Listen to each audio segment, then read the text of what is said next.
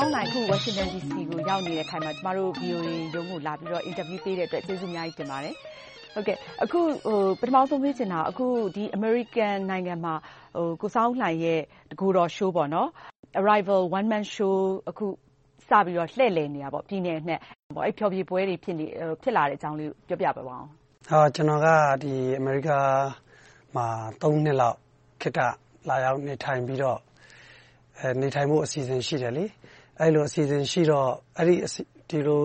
လာတဲ့အချိန်မှာရောက်ခါစားမှာဒီကျွန်တော်ရဲ့တကူတော်ရှိုးတွေအမေရိကရဲ့မြို့ကြီးတွေမှာကျင်းပဖို့လွန်ခဲ့တဲ့တစ်နှစ်လောက်တည်းကကျွန်တော်တို့စီစဉ်နေတာပေါ့စီစဉ်ပြီးတော့အဲကျွန်တော်ဒီမြို့အသီးသီးမှာရှိတဲ့ကျွန်တော်ရဲ့တငယ်ချင်းတွေမိတ်ဆွေတွေကို event organizer အဖြစ်ကျွန်တော်မြတ်တရားခံပြီးတော့အဲဒီအမေရိကမှာရှိတဲ့ major cities တွေမှာအဲဒီ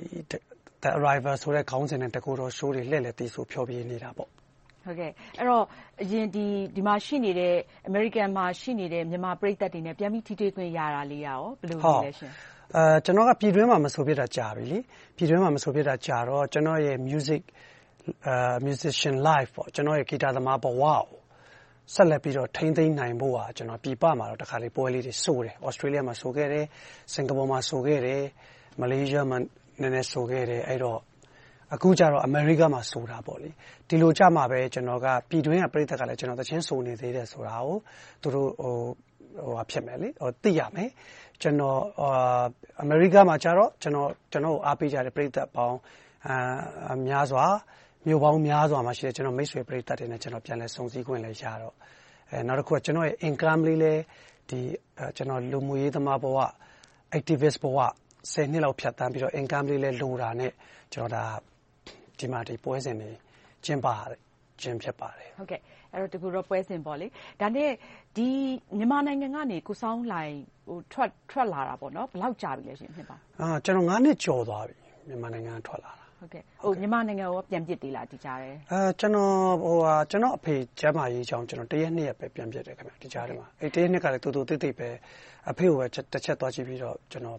ပြန်။ဟုတ်ကဲ့။အဲဒီတော့ကိုစောင်းလှိုင်ပြည်ပမှာတောက်လျှောက်နေနေတဲ့ကာလအတွင်းကိုစောင်းလှိုင်ရဲ့အနုပညာအထူးသဖြင့်ကိုစောင်းလှိုင်ဟာ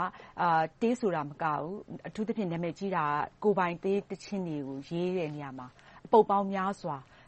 ကိုယ်ပိုင်သီချင်းအဖြစ်ကို ရေးသားနိုင်ခဲ့တယ်။နောက်ပြီးတော့ ဒီလိုမျိုး နာမည်ကြီးအဆိုတော် တေးရေးဆရာတယောက်လည်းဖြစ်တော့ ပြည်ပမှာ နေထိုင်တဲ့အချိန်မှာ ဒီလိုအနုပညာ ဖန်တီးမှုတွေဆက်လုပ်ဖြစ်လား။အခုခေတ်ကတော့ ပြောင်းလဲသွားပြီ။ကျနော်တို့က ပြည်တွင်းမှာ နေထိုင်လား၊ပြည်ပမှာ နေထိုင်လားဆိုတဲ့ စည်းတွေခြားနားခြင်း မရှိတော့ဘူး။ Social Media ခေတ်၊အင်တာနက်ခေတ် Online ပေါ်မှာ Activities တွေ အများကြီးလုပ်နိုင်ကြတယ်။ကျနော့်ပရိသတ်တွေကကျနော့် Online ပေါ်က သီချင်းတွေကို ကြည့်ရှု နိုင်ကြတယ်။ For free ပေါ့။ဒါမှကျနော့်ပရိသတ်ကကျနော်သီချင်းတချို့ကိုဆက်လက်လုပ်နေဆဲဆိုတာကိုသူတို့သတိထားမိမယ်။နားဆင်ခွင့်ရမယ်ဆိုတော့ကျနော်ကအဲဒီ Activities တွေကတော့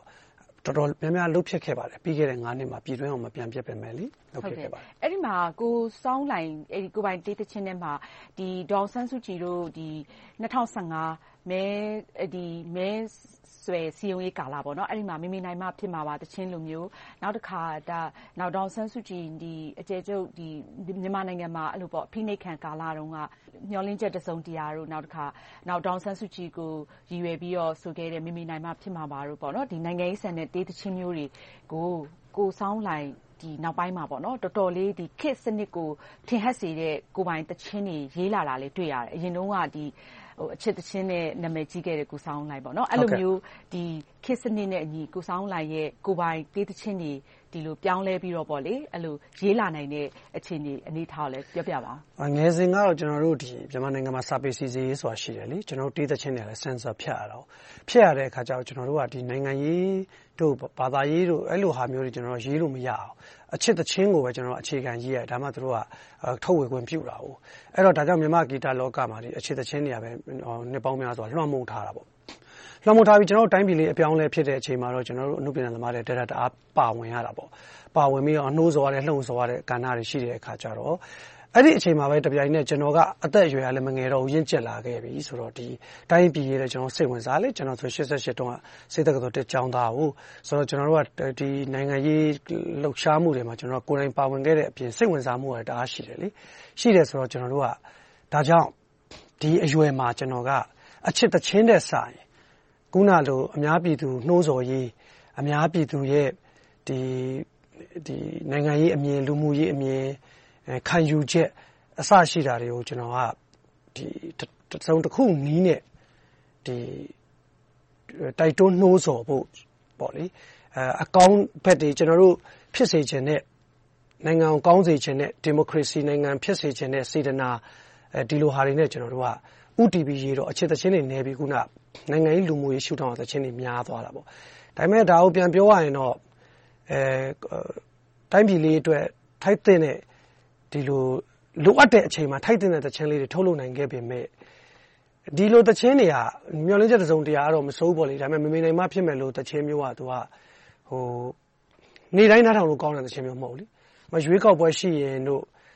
ဒီလိုနိုင်ငံရေးလှုပ်ရှားမှုတွေများပြားတဲ့အချိန်တို့မှာပဲနားထောင်လို့ကောင်းတဲ့သီချင်းဆိုတော့နေ့တဓူဝနားထောင်တဲ့သီချင်းမျိုးမဟုတ်တော့ဒါတွေလုပ်ခဲ့သော်ငြားလဲအချိန်ကာလအပိုင်းအခြားတခုအထိပဲဒီသီချင်းတွေကဖြစ်တာ။ပရိသတ်အတွက်တော့အကျိုးရှိခဲ့တာမျိုးရှိရင်ရှိပေမယ့်အချိန်ကာလအပိုင်းအခြားတခုအထိပါပဲ။ အခုကိုယ်ပိုင်တေးသီချင်းပေါင်း အပုပ်ပေါင်း ဘယ်လောက်ရေးခဲ့လဲ။တစ်ထောင်ကျော်သွားပြီ။အဲဒါ နှစ်ပေါင်းဘယ်နှစ်။ကျနော် နှစ်ကျော်က စရေးတယ်ဆိုတော့ နှစ်ပေါင်း နီးပါး ရှိသွားပြီ။အဲဒီအထဲမှာ ကိုယ်ပိုင်တေးသီချင်းတွေထဲမှာ အခုနောက်ပိုင်း ကိုယ်ကိုယ်တိုင် အားအရဆုံး။ဒါကတော့ အနုပညာရှင်တဦးအနေနဲ့ကိုယ်ဖန်တီးခဲ့တဲ့တေးသီချင်းတွေ အားလုံးတော့ အားရတယ်။ဒါပေမဲ့အခုကိုယ်ကိုယ်တိုင် အားအရဆုံးနဲ့ တကယ့်ကို ကိုယ်စိတ်ကြိုက်ဖန်တီးခဲ့တဲ့ အပုပ်တွေကဘယ်လို။အဲဒီလိုမေးခွန်းလေးတွေမေးရင်တော့ကျနော်အမြဲဖြေလေ့ရှိပါတယ်။ကျနော်ရေးလိုက်တဲ့သီချင်းလေးတွေကျနော့်သားသမီးတွေပဲ။အဲဒီတော့ဘယ်သူကတော့ပိုလှတယ်၊ဘယ်သူကတော့ရုပ်ဆိုးတယ်လို့ပြောဖို့ခက်တာပေါ့။သို့သော်ကျနော်လည်းပိုပြီးအားရကျေနပ်တဲ့ပရိသတ်နဲ့လည်းတသားတည်းကျတဲ့သီချင်းတွေတော့အများကြီးရှိပါတယ်။အဲဒီသီချင်းတွေထဲကပဲကျနော်အခုလာမယ့်မယ်ရီလန်းမှာပွဲတပွဲမကြာခင်ဆိုမယ်။ဇွန်မှာဇွန်လရက်နေ့မှာဆိုမယ်ဆိုတော့အဲ ဒီမှာပဲကျနော့်ရဲ့ပရိသတ်နဲ့တသားတည်းကျတဲ့ကျနော်လည်းစိတ်တိုင်းကျတဲ့သီချင်းပေါင်းများစွာကိုဆိုမှာပေါ့။တစ်ထောင်ထဲမှာမှကျနော်စိတ်တိုင်းကျတဲ့သီချင်းတွေလည်းရှိခဲ့သလိုစိတ်တိုင်းကျသော်လည်းမအောင်မြင်ခဲ့တဲ့သီချင်းတွေရှိမယ်။တခါတလေကျတော့လဲကိုယ်ငယ်စဉ်ကထင်တော့ထင်ခဲ့တယ်။ဒီသီချင်းကကောင်းပါတယ်ဆိုပြီးထင်ပြီးရေးခဲ့တာပဲ။ဒါပေမဲ့ဒီအချိန်ကျတော့သိပ်ပြီးအားမရတာမျိုးလည်းရှိတော့ရှိတယ်။ အန္တရာယ်ကင်းဝေးပါစေအမေ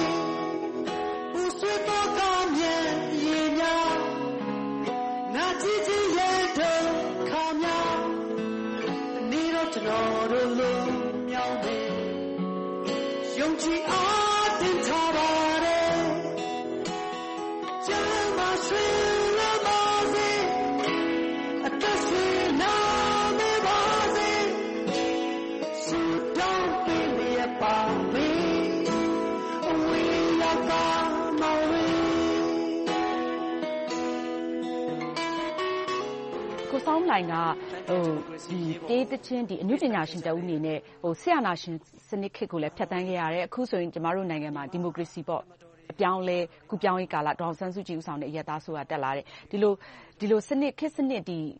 တခုကာလကို ဖြတ်သန်းလာတဲ့အနုပညာရှင်တဦးအနေနဲ့ အခု ဘယ်လိုသုံးသပ်လဲ။အခုနိုင်ငံရဲ့ အခြေအနေ။နောက်ပြီးတော့ကိုစောင်းလှိုင်ရဲ့ အနုပညာ ဖန်တီးမှုနဲ့အတူနိုင်ငံရေးအခြေအနေ။ကျနော်တို့လေ့လာဆည်းပူးသလောက်ပြည်တွင်းမှာ၊အခုဆိုရင်ပြည်ပနိုင်ငံတွေတော်တော်များများကိုသွားခွင့်ရတယ်။ဒီလိုပဲလျှောက်သွားနေတာ။ပြည်တွင်းကိုပြန်မဝင်ဖြစ်ဘဲနဲ့။အဲဒီအခါကြတော့ကျနော်တို့အခုလောလောဆယ်မြင်နေရတဲ့အနေအထားလေးကတော့ကျနော်တို့မြန်မာလူမျိုးတွေဟာအတော်လေးစိတ်ဝမ်းကွဲနေတာ။မြန်မာနိုင်ငံသားတွေလို့ပြောရမှာပေါ့။ဥပမာဗမာလူမျိုးချင်းတောင်မှပြည်ပမှာဆိုရင်ဘုန်းကြီးကျောင်း A နဲ့ဘုန်းကြီးကျောင်း B ကဘုန်းကြီးကျောင်း A နဲ့ B ကတခါတလေသိပ်ပြီးတော့ Community မှာ သိပ်ပြီးသဟဇာတ မဖြစ်တာမျိုး၊တစ်ယောက်နဲ့တစ်ယောက် ပေါင်းသင်းဆက်ဆံရေး အဆင်မပြေဖြစ်နေတာမျိုးတွေ တွေ့ရတယ်။တိုင်းရင်းသားတွေကဆိုရင် ဗမာလူမျိုးတွေကို နည်းနည်းနာကျင်နေတာကို ကျနော်တို့ သတိထားမိတယ်။သို့သော် ကျနော်က အမြဲတမ်း ရှင်းပြတယ်အားလုံးကို စစ်အာဏာရှင်အနေနဲ့ ကျနော်တို့ ဗမာလူမျိုး ဗုဒ္ဓဘာသာတွေနဲ့တော့ ခွဲခြားပြီးမြင်ပေးကြဖို့။ကျနော်တို့လည်း အနှိပ်စက်ခံခဲ့ရတဲ့ လူမျိုးထဲမှာ ပါတယ်ဆိုတော့ အဲဒီအချက်အလက်တွေကိုအခုကျနော်လေ့လာသလောက်တော့ပိုပြီးတော့စိတ်ဝမ်းကွဲလာတယ်ဆိုတဲ့အခြေအနေကတော့ဘယ်သူမှငြင်းချက်ထုတ်လို့ရတဲ့အခြေအနေမျိုးမှမရှိဘူး။ကျနော်ဆိုရင်အမေရိကလိုနိုင်ငံမျိုး၊တခြားနိုင်ငံတွေနိုင်ငံခြားမှာသွားဆိုတာတောင်မှကျနော့်ကိုဘာဘာသာဝင်လဲ၊ဘာလူမျိုးလဲ။သူတို့နဲ့လူမျိုးချင်းတူရင်လာကြည့်မယ်။သူတို့နဲ့ဘာသာချင်းတူရင်လာကြည့်မယ်။မတူရင်တော့ Sorry ပါပဲဆိုတဲ့ဒီအဖြစ်အပျက်တွေကတော်တော့်ကိုဖြစ်ခဲ့တယ်။ကျနော်ဆိုရင်ကံကောင်းပြီးအမေရိကမှာထိုက်သင့်တဲ့ တယောက်တည်းဆိုတယ်။ဒါပေမဲ့ထိုက်သင့်တဲ့အောင်မြင်မှုလေးတော့ကျနော်ရခဲ့တယ်။ဒါပေမဲ့စိတ်ဝမ်းကွဲနေတဲ့အနေအထားတွေလည်းကျနော်တို့အများကြီးလေ့လာသိရှိခဲ့ရတယ်။ဒါကတော့ကျနော်တို့နိုင်ငံခေါင်းဆောင်တွေ၊နိုင်ငံရေးခေါင်းဆောင်တွေ၊တိုင်းရင်းသားခေါင်းဆောင်တွေအားလုံးသတိထားရမယ့်အချက်ကလေးဖြစ်ပါတယ်။စိတ်ဝမ်းကွဲတာပိုပြီးတော့ဆိုးလာခဲ့ပြီဆိုတဲ့ Message လေးတော့ပေးချင်ပါတယ်။ကျေးဇူးအများကြီးတင်ပါတယ်ကိုကောင်း။ကျေးဇူးတင်ပါတယ်